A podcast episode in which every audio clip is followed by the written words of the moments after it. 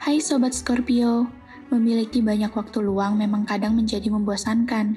Kamu hanya perlu memanfaatkan waktu luangmu untuk melakukan sesuatu, mungkin dengan mempelajari hal baru atau mengunjungi suatu tempat yang dapat melepaskan penat misalnya.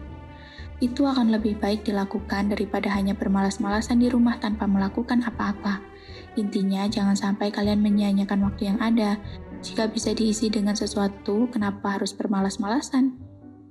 Percintaan untuk Scorpio Lovebird. Jangan pernah merasa membahagiakan pasangan adalah tugasmu semata, karena kebahagiaan bisa datang dari mana aja kok.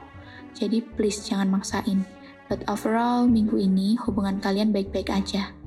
Untuk sobat Scorpio yang masih single, kamu selalu menaruh curiga pada seseorang. Tapi coba deh dirasa-rasain lagi. Masa iya sih dia nggak tulus sama kamu?